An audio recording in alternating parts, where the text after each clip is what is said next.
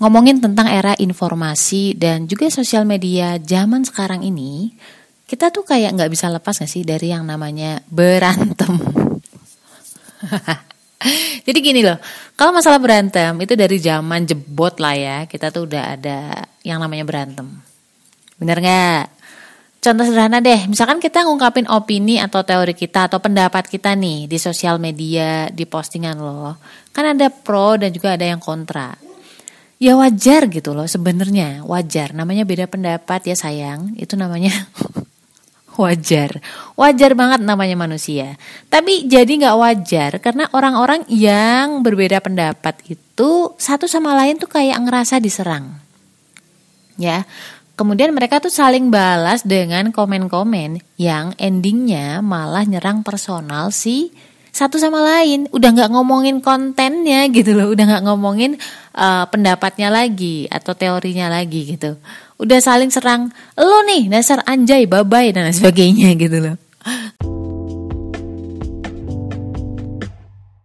Assalamualaikum warahmatullahi wabarakatuh. Hai, ini Ria, kamu lagi ada di podcast Self Healing, podcastmu yang sedang belajar berdamai dengan luka, melalui psikologi Islam.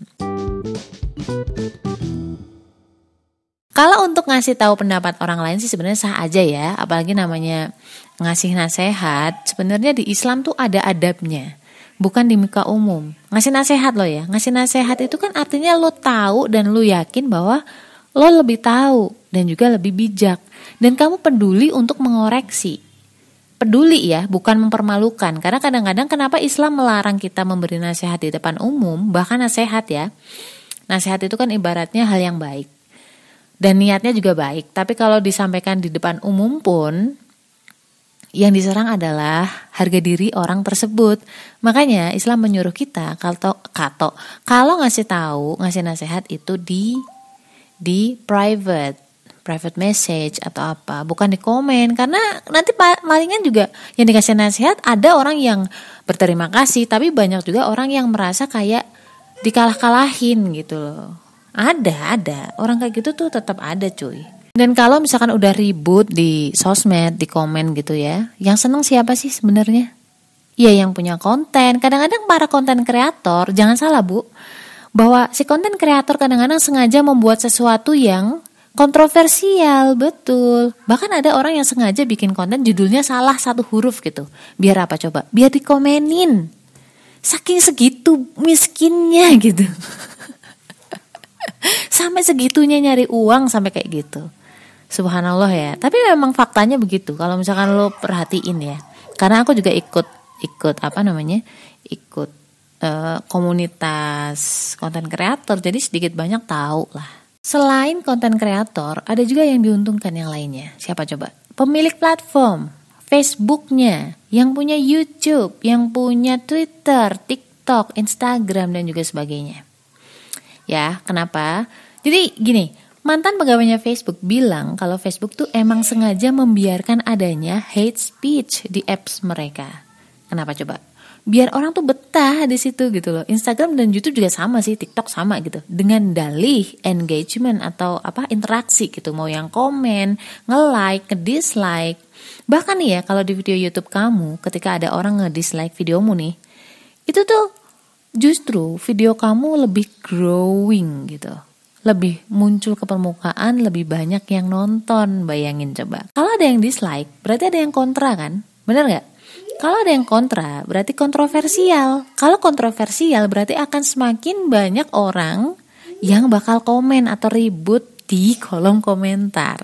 Sebenarnya keributan itu tuh muncul karena ada dua belah pihak yang saling menanggapi. Gak mungkin orang ribut sendirian ya.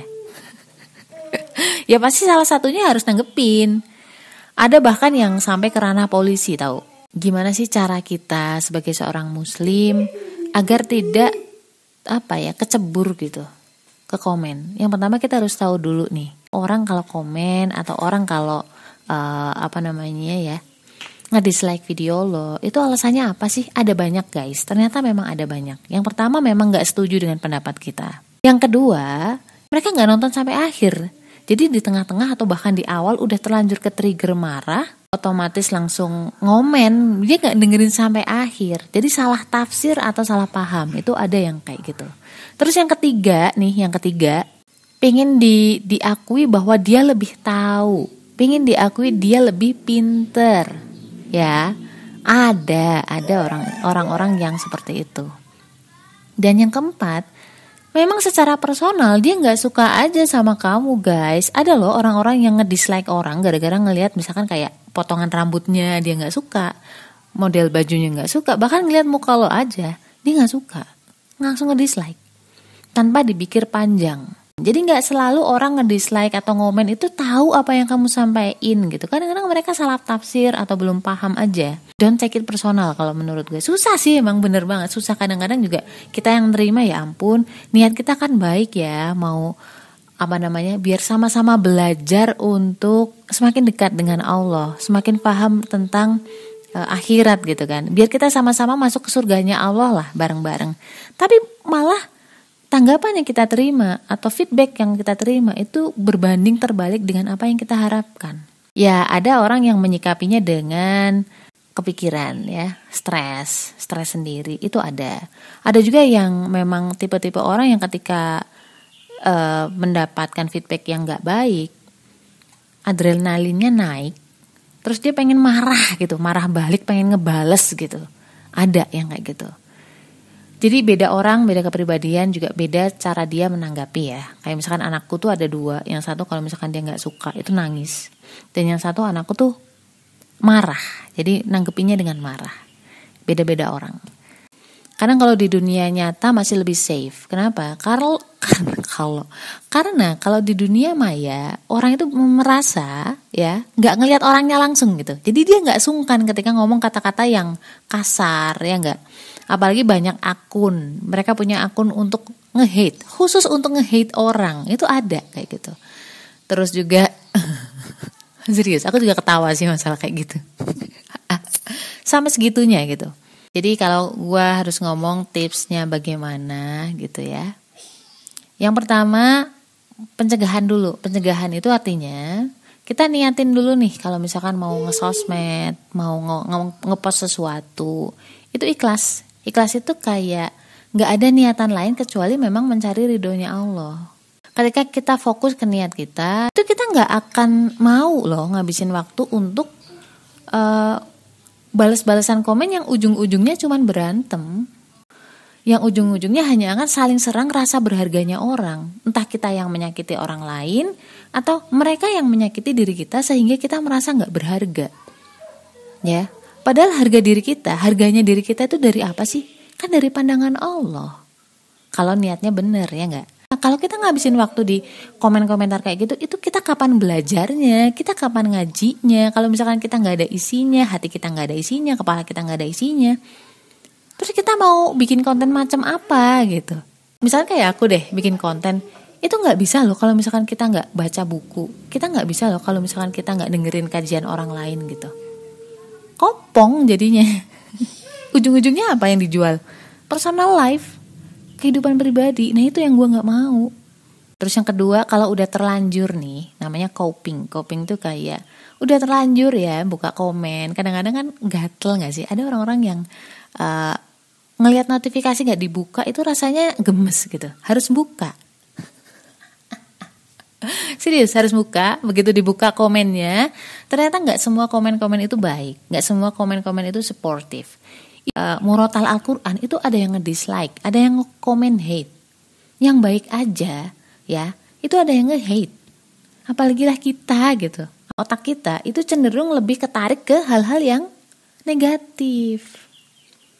Kalau misalkan cuman satu hari eh, satu kali dua kali kita nontonnya itu mungkin masih baik-baik aja tapi lo bayangin kalau misalkan setiap hari yang kita baca yang kita lihat yang kita dengar adalah komen-komen hate komen-komen merendahkan itu ada efeknya secara tidak sadar loh serius makanya kan di zikir pagi dan juga zikir petang itu ada doa agar kita itu disehatkan penglihatan kita, pendengaran kita, ya. Karena apa? itu tuh ngaruh dari apa yang kita lihat, apa yang kita dengar ke alam bawah sadar kita. Kalau dalam bahasa psikologi itu subconscious. Menyebabkan apa? Ada yang nambah depresi, ada yang nambah stres, ada yang ujuk-ujuk jadi sensitif, mudah marah. You know what? Menurut penelitian dari Canadian Institute of Mental Health, siswa yang terpapar sosmed 2 jam minimal 2 jam sehari itu memiliki tingkat depresi, tingkat kecemasan, tingkat untuk uh, berpikir untuk bunuh diri itu lebih tinggi gitu. Oh, bayangin kita tiap hari berapa jam coba di sosmed. Oke. Okay?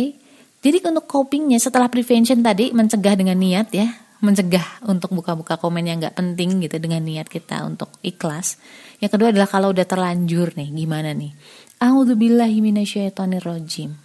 Karena itu cara paling simpel ketika adrenalin kita naik, dampak stres kita naik, berlindung kepada Allah agar nggak kebawa hembusan-hembusan ketakutan dan stres yang di yang dihembuskan oleh setan gitu.